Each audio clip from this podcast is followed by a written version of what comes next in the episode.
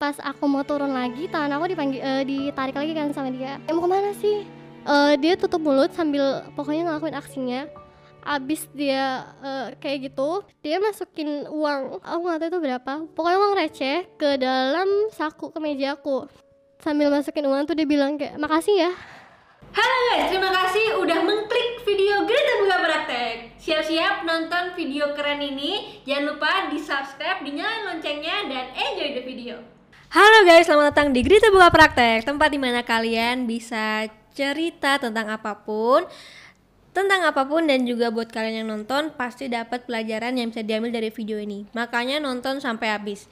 Nah, hari ini seperti biasa, kita pasti punya kejutan-kejutan yang luar biasa buat teman-teman di rumah.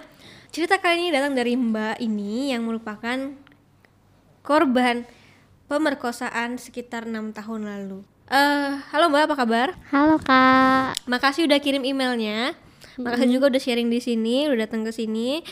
Mbak, boleh cerita nggak awalnya gimana bisa akhirnya mendapat eh, kejadian seperti itu?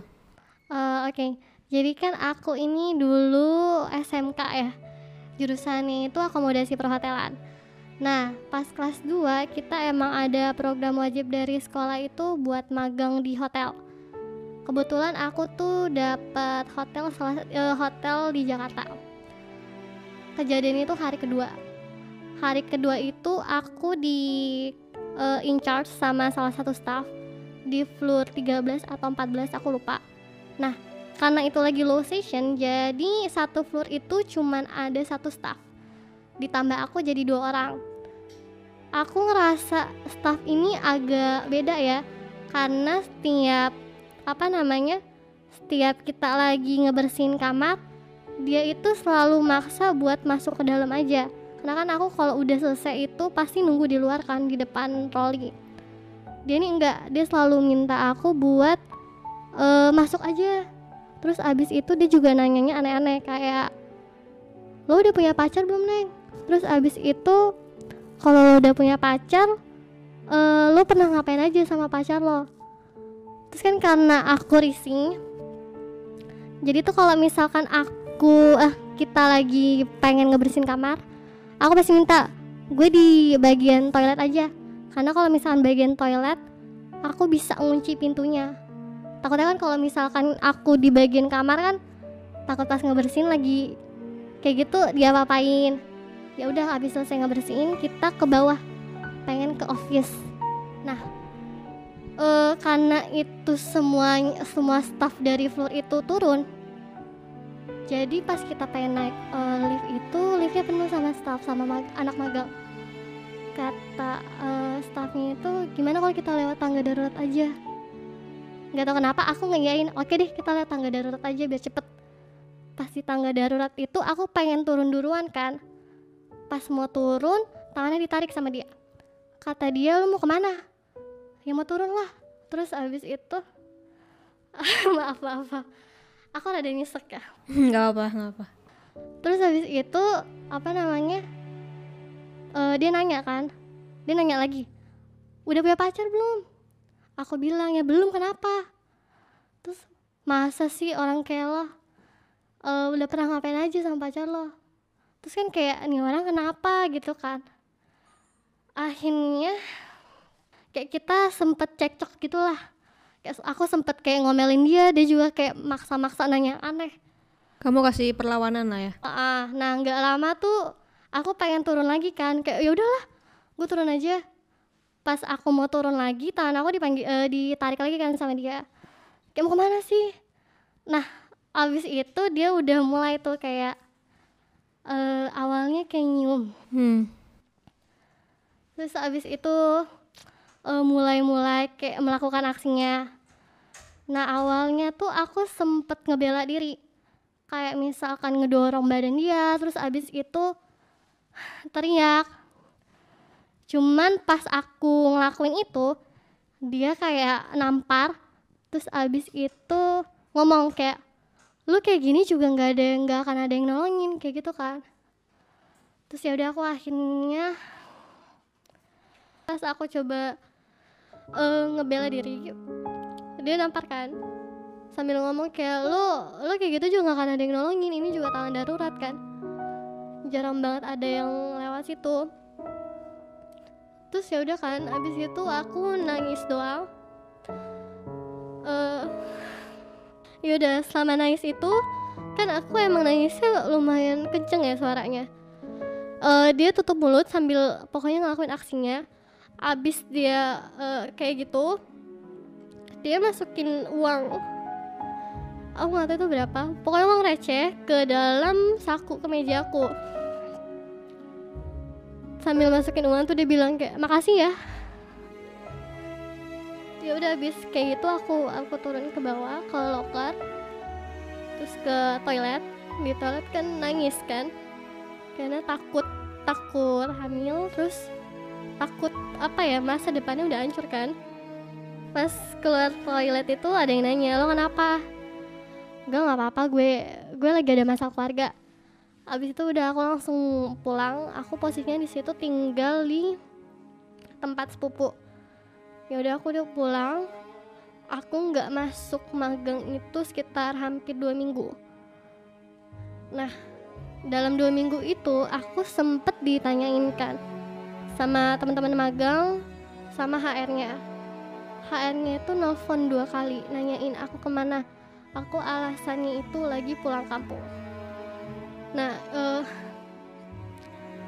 panggilan kedua itu aku emang udah diperingatin karena kan udah minggu. Kayak kamu masih mau magang atau gimana? Karena kan ini uh, buat nilai kamu juga. Ya udah karena kayak aku mutusin buat masuk uh, magang lagi Oke, setelah masuk magang lagi, uh -uh. berarti selama dua minggu itu kamu di rumah sepupu kamu ya? Uh -uh. Oke, setelah masuk magang, kamu ketemu lagi sama orangnya? Iya, aku sempat ketemu uh, sekali.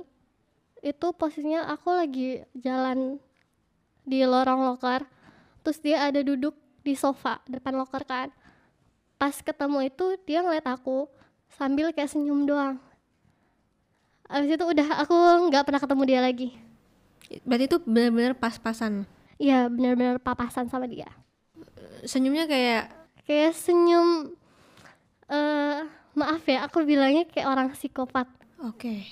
senyum-senyum gak ada rasa bersalah sama sekali oke okay. terus kemudian kamu mencoba untuk lapor atau gimana enggak jadi aku selama magang itu nggak ngomong ke siapa-siapa. Even itu ke temen atau ke orang tua. Tapi aku sempet sih kepikiran kayak apa apa bilang aja ya apa ngelapor aja ya. Tapi pas apa namanya ada kejadian ini jadi tuh kejadiannya aku kan tiga bulan di housekeeping tiga bulan di laundry. Pas di laundry ini ada satu section itu ada dua orang staff dia emang setiap aku di section itu buat ngebantuin emang kayak ngelecehin secara verbal kayak eh lo nari dong kalau telanjang gimana bla bla bla. Kan kalau kita yang ngedenger kan risih ya kayak takut. Nah dari situ kayak aku udah nggak nyaman nih sama dua staff ini. Waktu itu aku lagi nungguin temen pengen ke kantin. Terus tiba-tiba salah satu staff itu ke belakang aku kayak ngeraba belakang gitu kan aku refleks kayak nampis tangan dia. Terus kayak sambil marah kayak lo kenapa sih bang? Nah pas aku kayak gitu ada manajer departemen yang lihat. Aku diminta buat ketemu dia abis abis pulang. Aku ketemu dia aku kiranya aku bakal dibelain kan? Taunya pas itu uh, manajer malah bilang kayak kamu ngapain sih ngegodain staff? Uh, apa namanya kamu tuh anak magang harusnya nggak usah kayak gitu. Kamu tahu kan staffnya udah punya istri. Kayak seharusnya kamu nggak usah nggak usah bersikap kayak gitu. Karena nggak terima kan karena aku ngerasa aku nggak salah sama sekali. Aku nggak ada ngegodain staff itu sama sekali kan. Akhirnya ya udah aku bilang kayak saya nggak pernah ngegodain bapak juga lihat kan. Staff yang nyari gara-gara ke saya saya cuma ngebela diri saya doang. Terus kayak ya tetap aja gitu manajernya nggak nggak uh, tetap kalah kamu ya? uh, tetap kalah. Sampai besoknya tuh aku uh, dipanggil ke HR di HR itu aku dikasih SP1 kata HR itu kamu ngapain sih ngegodain staff? Aku dibilang ngegodain staff lagi. Kayak kamu kan di sini nyari nilai. Kalau kamu kayak gitu gimana? Kamu tahu dia udah punya istri. Kamu juga harusnya mikir nggak seharusnya sikap anak magang tuh kayak gitu. Terus ya mau dia gimana lagi gitu kan. Kayak eh, kalau aku ngomong juga mereka nggak akan ada yang percaya. Aku mau ngebela diri juga ujung-ujungnya aku tetap disalahin kan. Ya udah oke. Oke bu. Saya sebenarnya nggak nggak salah sama sekali tapi saya saya mau ngomong apa juga sama aja kan sama aja bohong. Ibu juga nggak percaya sama saya. Cuman ya udah akhirnya kayak tetap dikasih SP Tapi sebelumnya berarti kamu baru pertama kali ketemu kita balik ke pemerkosaan yang tanggal darurat itu dulu Hmm. ya. Kamu ketemu pelakunya baru hari itu dong berarti ya? iya baru hari itu Kayak itu hari kedua kamu. Heeh. Dan akhirnya kamu eh, libur dua minggu terus kemudian balik lagi ketemu sama pelakunya. Hmm. Dan itu pas-pasan tapi nggak ketemu lagi. Berarti ketemu hotelnya lumayan besar ya. lumayan itu hotel yang lumayan besar bintang 4 Tapi sebenarnya kalau kalau kamu perhatiin apakah lingkup pekerjaannya seperti itu? Maksudnya apakah orang-orang di situ kurang lebih seperti itu apa udah biasa jangan-jangan di situ? kayak aku juga sempat ditawarin sih sama salah satu staff Berapa kali kamu sempat ditawarin kayak gitu? eh sekali Oh sekali. waktu waktu masih di departemen housekeeping Setiap manusia kan pasti butuh cerita. Hmm. Ada nggak kamu cerita sama orang-orang yang kamu percaya atau mungkin sama keluarga, sama orang tua? Hmm, nggak cerita sama siapa-siapa waktu itu. Dipendem doang karena pikirnya mau ke cerita ke siapa. Kayak emang ada yang bisa aku percaya selain orang tua. Kalau orang tua kan kalau kita cerita mama aku habis digini ini kan nggak mungkin kan? Otomatis orang tua tuh bakal khawatir stres. Mana orang tua mana yang tega ngeliat anaknya digituin kan? Hmm. jadi kayak eh, daripada aku nambahin masalah ke orang tua aku mending aku yang simpen aja gitu kan. Toh siapa tahu aku bisa aku bisa terima dengan dengan berjalannya waktu. Mbak, tapi kalau boleh jujur, eh, selama dua minggu itu di Hah? rumah itu apa sih yang Mbak lakuin? Eh, cuman tidur nangis. Karena kan itu posisinya aku tinggal di eh, tempat sepupu aku. Sepupu aku tuh emang dua-duanya kerja pergi pagi pulang malam kan jadi mereka juga nggak tahu kalau misalkan aku nggak pergi magang. Jadi di sana tuh cuman ya udah kayak ngelamun nangis tidur jam jam 6 tuh aku udah tidur. Pokoknya sebelum sebelum sepupu aku pulang aku udah tidur. Terus sebelum apa namanya pas pupu aku udah pergi aku baru bangun kayak gitu. Berarti selama magang itu juga nggak pernah ngomong ke atasan kalau pernah diperkosa berarti ya? nggak pernah karena kan yang kejadian terakhir itu kan eh atasan ngelihat aku digituin aja aku yang disalahin kan sampai kena SP1 maka di situ nyadar kayak apalagi nih nggak ada saksi nggak ada yang tahu kejadian ini kalau aku ngomong yang ada aku bisa dikeluarin mikirnya kayak gitu Tapi kamu kuat juga ya selama enam bulan. Setelah setelah kejadian itu berarti eh berapa bulan sorry? magangnya enam bulan enam bulan. Ah. Berarti selama kurang lebih enam bulan kamu ada di kayak si gitu gitu kamu ada rasa takut atau gimana gitu? takut sih. Eh selain apa ya selain dua minggu itu nangis emang setelah kejadian itu eh, sering banget berpikir kayak hidup tuh nggak adil. Kayak apakah kita dilahirkan untuk merasakan penderitaan? Eh, maksudku adalah kayak kenapa cowok di dunia ini bu di dunia ini ya di dunia ini itu kebanyakan itu cuma nyakitin. Eh, kenapa kita sebagai cewek hmm, kalau misalnya kita disakitin cowok kita nggak bisa ngapa-ngapain. Yang disalahin tuh ceweknya. Kenapa kita harus nanggung semua semua dampak yang udah eh, cowok kasih ke kita?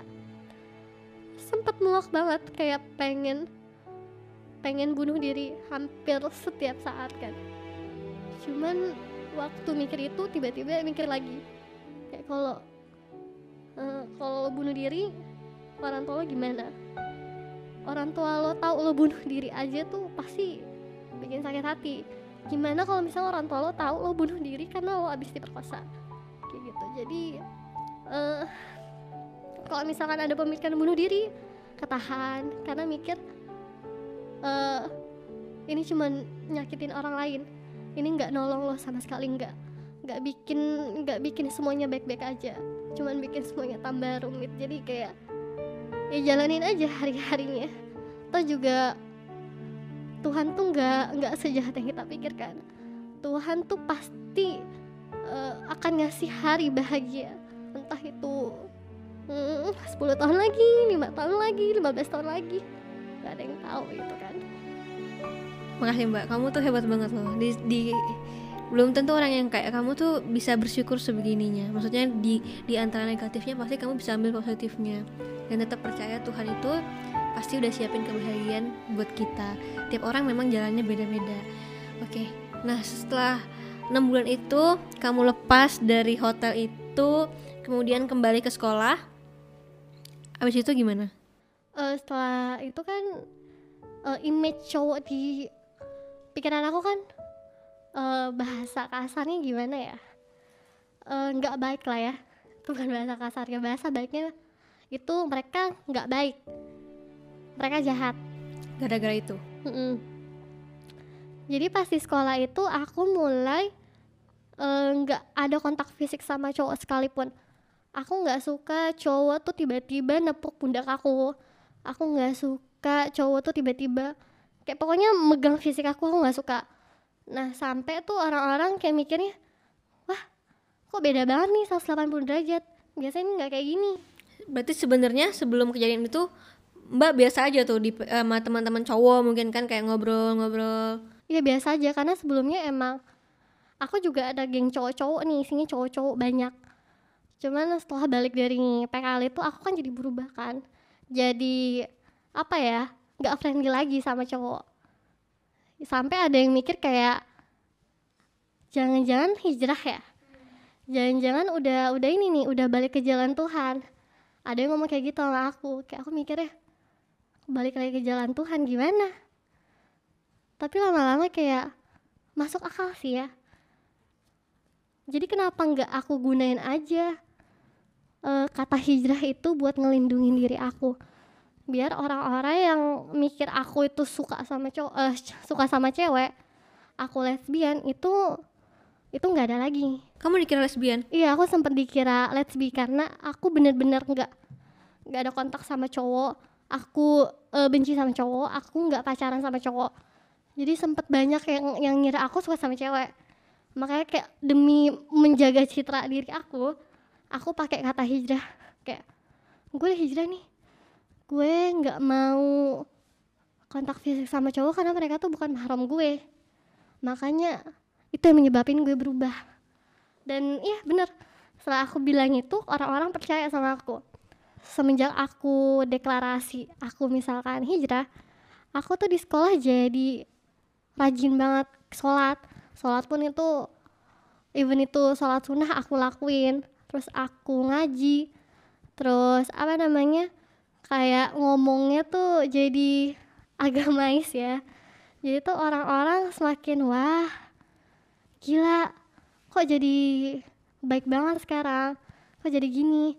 Nah itu tuh yang ngebikin juga cowok-cowok jadi malah suka sama aku. Malah tambah suka banyak. malah banyak yang suka. Aku tuh tujuannya adalah biar ngehindarin cowok tapi malah eh, ngundang cowok-cowok ini buat suka sama aku. Aku tuh nggak mikir ke sana. Eh, alasan sih nih cowok-cowok suka sama aku karena eh, lo tuh baik. Beda sama cewek lain. Kalau cewek lain kan disentuh cowok bodo amat kan. Kalau tuh beda. Makanya mereka tuh jadi suka sama aku kagum sama aku. Cuman ya balik lagi. Karena emang aku nggak suka emang aku apa namanya ya eh emang tujuannya tuh bukan bukan nyari cowok tujuannya tuh buat ngehindarin cowok sama ngehindarin pemikiran-pemikiran negatif orang ke aku gitu Tapi kamu ikut-ikutan kayak eh, ngaji dan segala macam. Itu kamu ikut berarti awalnya kayak pengen nutup juga. Iya awalnya sebenarnya ini bagian dari peran Hmm. Eh, kalau peran kita adalah orang yang udah hijrah berarti kan kita harus ngelakuin hal-hal agamais kan jadi aku mikirnya oke buat nyempurnain peran gue nih gue harus bersikap selayaknya orang yang udah hijrah. Aku ikut rohingis. Terus abis itu kayak ngaji mulu sholat mulu kan. Tapi lama kelamaan sih aku nggak tahu ya. Aku sampai nggak bisa ngebedain apakah ini cuman buat eh, orang-orang mikir aku baik atau aku emang ngelakuin ini karena Tuhan. Kayak gitu. Tapi lama-lama kamu enjoy. lama-lama enjoy. Sampai aku ini saking enjoynya aku bermain peran itu ada yang kayak ngira lo teroris ya? Karena saking agamaisnya aku kayak semua hampir semua omongan aku tuh kayak bobo agama ini ini itu dosa ini itu dosa. Jadi kayak sampai orang mikir lo teroris ya Oke, jadi terlalu fanatik gitu ya. Heeh, jadinya fanatik Keluarga waktu tahu kamu berhijab, berarti kamu hijabnya yang panjang itu ya? iya aku langsung hijab panjang sama baju-baju gombrong gitu Syari itu ya. Ah, ah. Nah, itu keluarga gimana? awalnya mama aku kan emang eh, nggak terlalu agamais ya maksudnya biasa aja keluarga aku nah tiba-tiba aku tuh aku orang pertama yang pakai hijab di keluarga Eh, pas pakai itu mama aku langsung nanya kayak kamu kenapa? Awalnya malah ngira aku tuh kayak ikut aliran sesat. Hmm. karena kan tiba-tiba banget tiba-tiba langsung pakai jubah panjang. Malah aku sempet maaf ya bukannya ini menghina cuman emang eh, bahasanya orang tua aja kamu kok jadi kayak mbak-mbak pakai jilbab panjang? Gitu kan. Terus kayak enggak lah nggak apa-apa emang emang pengen balik ke jalan Tuhan aja kayak gitu sempet sih emang ada orang tua tuh sempet nggak setuju sempet kayak kalau emang mau berhijab biasa aja nggak usah yang langsung panjang kayak gitu cuman aku bodoh amat gitu Sekarang nih kamu udah nggak pakai. Itu kenapa?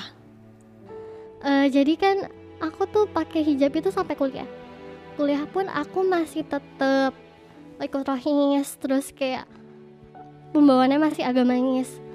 Terus ada satu waktu di mana kayak mikir, lo ini beneran eh, tujuan lo adalah buat baik di mata orang, buat ngelindungin diri lo atau emang lo itu udah balik ke Tuhan? Hmm.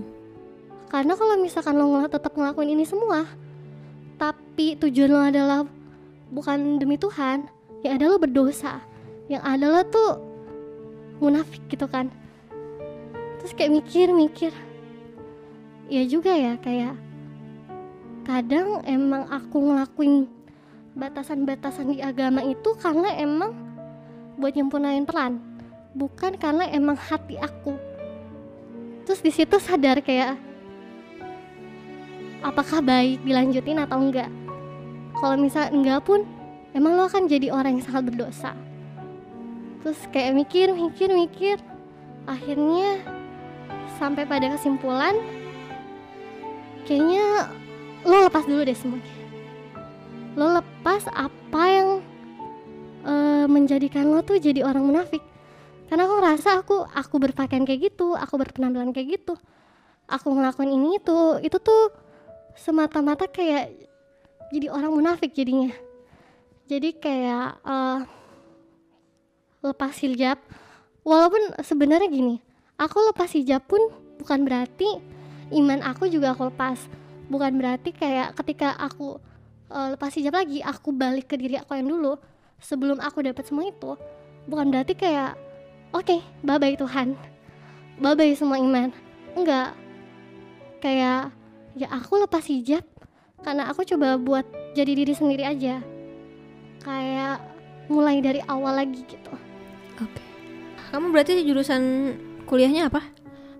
Aku dulu psikologi Psikologi. Berarti pindah dari perhotelan ke psikologi ya? Iya. Eh, jadi tuh dulu aku ini eh, orangnya emang suka sosial sebenarnya. Suka mendalami individu dari awal. Cuman pas SMK emang aku kayak bingung. Pengen pengen hukum tapi nggak nggak nggak hatam di bidang hukum kan. Akhirnya kayak masuk masuk perhotelan ngasal. Terus pas SMK itu mikir lagi, ini apa yang passion gue ya? Gue tuh baiknya apa ya? Akhirnya kayak nemuin oh psikologi cocok nih di gue. Dari dulu sekarang. Udah. Oke. berarti sam- sampai sekarang belum ada yang tahu nih kalau kamu pernah mendapatkan pemerkosaan itu udah sih jadi pas kuliah itu lambat laun aku cari temen cerita awalnya itu aku cerita sama salah satu psikolog Eh, dosen aku sih sebenarnya itu bukan sesi konseling emang cuman cerita biasa. Karena aku kayak udah mikirnya wah udah nggak kuat. Pikiran udah kalang kabut. Terus kayak eh, nggak mungkin juga kan disimpan bertahun-tahun. Akhirnya kayak aku eh, minta cerita sama dosennya. Terus kayak "Ya udah aku ceritain dari awal. Terus kayak aku rasa kayak gimana? Terus kata eh, dosennya tuh kayak kamu kenapa nggak ke psikolog? Karena kemungkinan besar itu kamu PTSD post traumatic disorder. Hmm. terus kayak mikir gini itu dulu kuliah. Hmm. anak kuliah kan gak punya uang banyak ya. Dan realistis aja untuk ke psikolog itu nggak murah. Mm-mm. untuk satu sesinya aja itu udah 250-an lebih. Terus kayak ah enggak deh bu. Lagian juga mungkin sekarang saya udah ngerasa baik aja karena udah akhirnya udah cerita sekian setelah sekian lama terus kata dia oh ya udah kalau misalkan emang pilihan kamu itu nggak apa-apa. Cuman kalau misalkan kamu ada di satu titik yang emang bener nggak kuat emang butuh eh, tenaga profesional yang bisa ngebantu kamu ya kamu datang ke ini ke psikolog gitu kan. Terus kayak oh ya bu akhirnya aku emang gak nggak ke psikolog. Aku cuma cerita sama dosen itu ternyata emang gak ngebantu pada akhirnya. Kayak tetap aja karena eh, pas kuliah pun aku juga dapat dapat kejadian yang sama. Hah? iya jadi pas aku di kereta kan itu posisinya aku sama temen aku.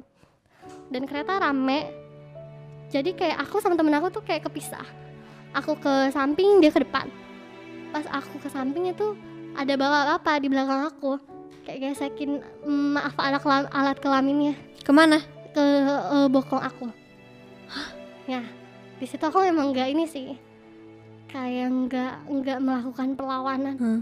aduh aku astaga. Jadi kayak di situ aku cuma nangis sampai akhirnya bapak-bapak itu turun. Kan jadi gerbong tuh jadi udah mulai senggang karena aku baru nyamperin temen aku terus nangis doang diem.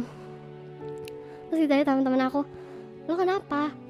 Nggak apa-apa gue kesel sama lo. Aku malah marah sama temen aku. Karena mikirnya kayak lo kenapa nggak ngelindungin gue kenapa lo malah ke sana cuman ya itu kayak karena kejadian itu juga kayak bikin aduh kenapa dapet itu mulu? Kenapa kayak kayak lo dilecehin mulu? Gitu kan akhirnya kayak coba coba coba cari temen. Cuman pas aku lagi nyari temen yang pas buat aku cerita tuh belum dapat sampai akhirnya itu aku ketemu pacar aku yang sekarang jadi dia emang beda sih beda banget. Eh, aku baru ketemu dia dua kali. Terus dia tiba-tiba nanya sama aku are you okay? Aku bingung kenapa? Eh, kata dia gue ngeliat mata lo tuh beda. Kayak mata lo tuh kayak mata orang yang punya dendam. Kata dia kayak gitu kan. Aku bingung nih orang pertama yang iya heeh, yang tahu kalau misalkan aku tuh beda. Kayak karena dia ngomong-ngomong kayak gitu akhirnya kayak kamu cerita Heeh, kayak ini orang yang pas buat cerita. Akhirnya aku mulai cerita, cuman nggak cerita seluruhnya, aku cuman cerita setengah. Pas apa namanya? Pas lagi cerita itu, lambat laun emang kok ini orang beda nih cowok ini beda.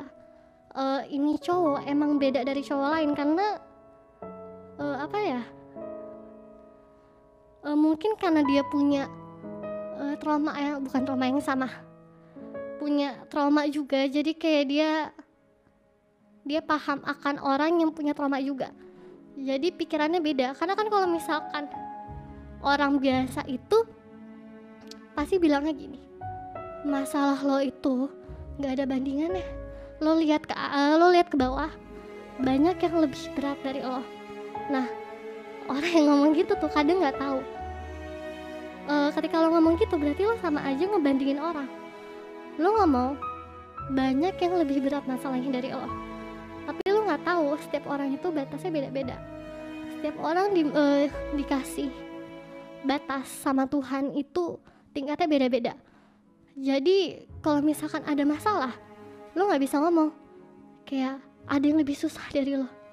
Itu kan sama aja. Kayak, lo ngapain kayak gitu? Emang lo nggak bisa ngikutin dia? Dia aja bisa sembuh. Lo masa enggak nah kalau si pacar aku nih beda. Emang dia nggak pernah ngomong kayak gitu. Eh, pas aku cerita pun dia juga dia malah nggak ngasih saran sama sekali. Dia cuma ngedengerin eh, apa namanya senyum.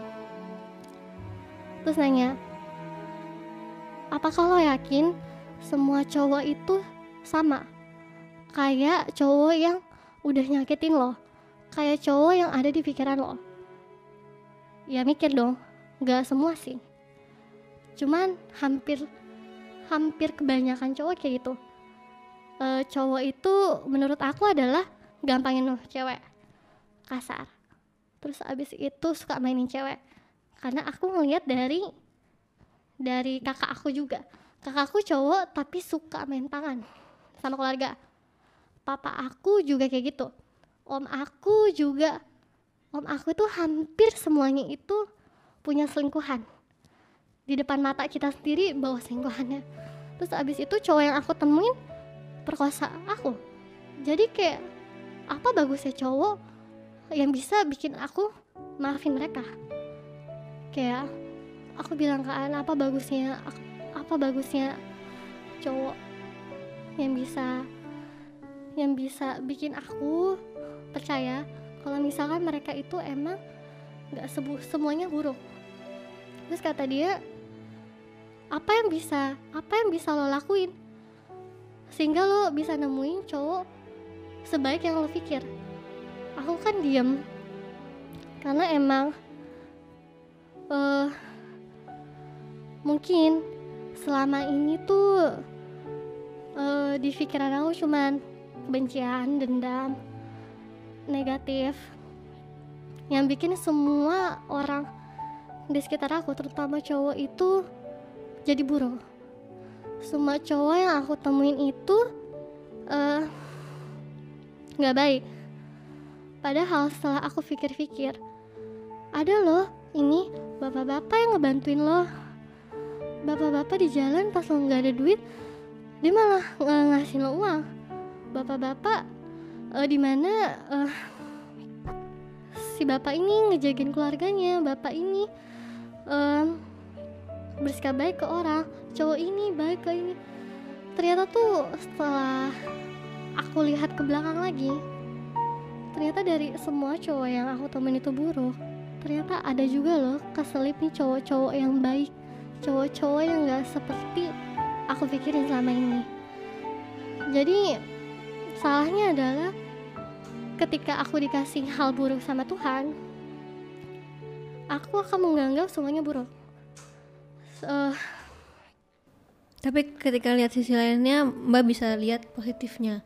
Hmm, jadi segala sesuatunya itu bukan buruk. Semuanya itu diciptakan emang bermacam-macam. Kita bisa sampai ke garis finish. Apa emang kita dikasih jalan lurus doang sama Tuhan? Apa kita dikasih enak doang sama Tuhan? Kan enggak gitu. Kita pasti dikasih rintangan, jalan yang nggak mulus buat sampai ke garis finish. Nah, posisi aku adalah aku ini masih coba lari ke, eh, ke garis finish. Aku belum sampai ke garis finish itu. Aku memang masih dikasih beberapa rintangan sama Tuhan. Mungkin karena emang aku kurang baik. Akunya emang selalu berpikir negatif. Mungkin emang karena perbuatan aku yang bikin aku menciptakan jalan-jalan yang penuh rintangan kayak gitu cuman aku kadang mikir sih waktu waktu aku lagi apa ya muak sama hidup aku mikir eh aku dari kecil kayaknya udah berusaha buat jadi orang baik. Aku udah berusaha buat baik ke orang. Aku berusaha untuk untuk nggak dendam sama orang. Aku berusaha untuk sayang ke diri aku. Aku berusaha untuk sayang ke keluarga. Aku berusaha sayang ke teman. Aku berusaha untuk nolong orang. Dengan harapan aku bisa dapat hal baik juga. Aku bisa punya kehidupan yang baik. Tapi tapi pada akhirnya emang pikiran itu salah. Karena ketika kita berharap kita kita melakukan baik untuk mendapat hal baik itu yang ada kita akan mendapat hal yang buruk. Ya udah berarti yang lo lakuin itu nggak ada ikhlas ikhlasnya lo mengharap imbalan dari orang.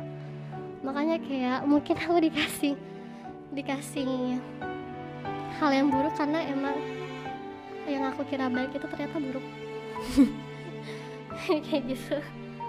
Mbak, aku pengen tanya, mungkin teman-teman di rumah juga pasti ada yang sedang dalam kondisi down banget nih.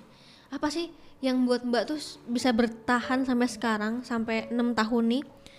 Walaupun masih ada dendam, tapi aku lihat Mbak udah bisa mulai, maksudnya bisa memaafkan walaupun sedikit, bisa menerima keadaan dan bisa terus berjalan maju. Apa sih waktu itu yang bikin Mbak tuh akhirnya gue harus terus maju? Eh, jadi pertama waktu ya. Waktu itu berjalannya maju. Tapi kita sebagai orang kadang tuh selalu berjalan mundur kan. Kita mundur mundur mundur. Ingat waktu yang dulu. Kita keliling aja di waktu-waktu yang itu. Kita dendam kita kita nganggap semuanya buruk. Padahal kalau misalkan kita maju kalau kita ngikutin alur waktu tuh sebenarnya semuanya tuh nggak sepenuhnya buruk. Ada saatnya kita tuh harus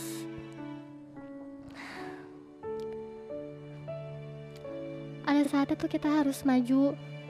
Kita harus tahu apa tujuan hidup kita kalau lo emang emang pengen pengen stuck ke masalah oke lo nggak usah lanjutin hidup. Lo bunuh diri selesai. Kalau lo emang nggak mau keluar dari dari masalah lo itu.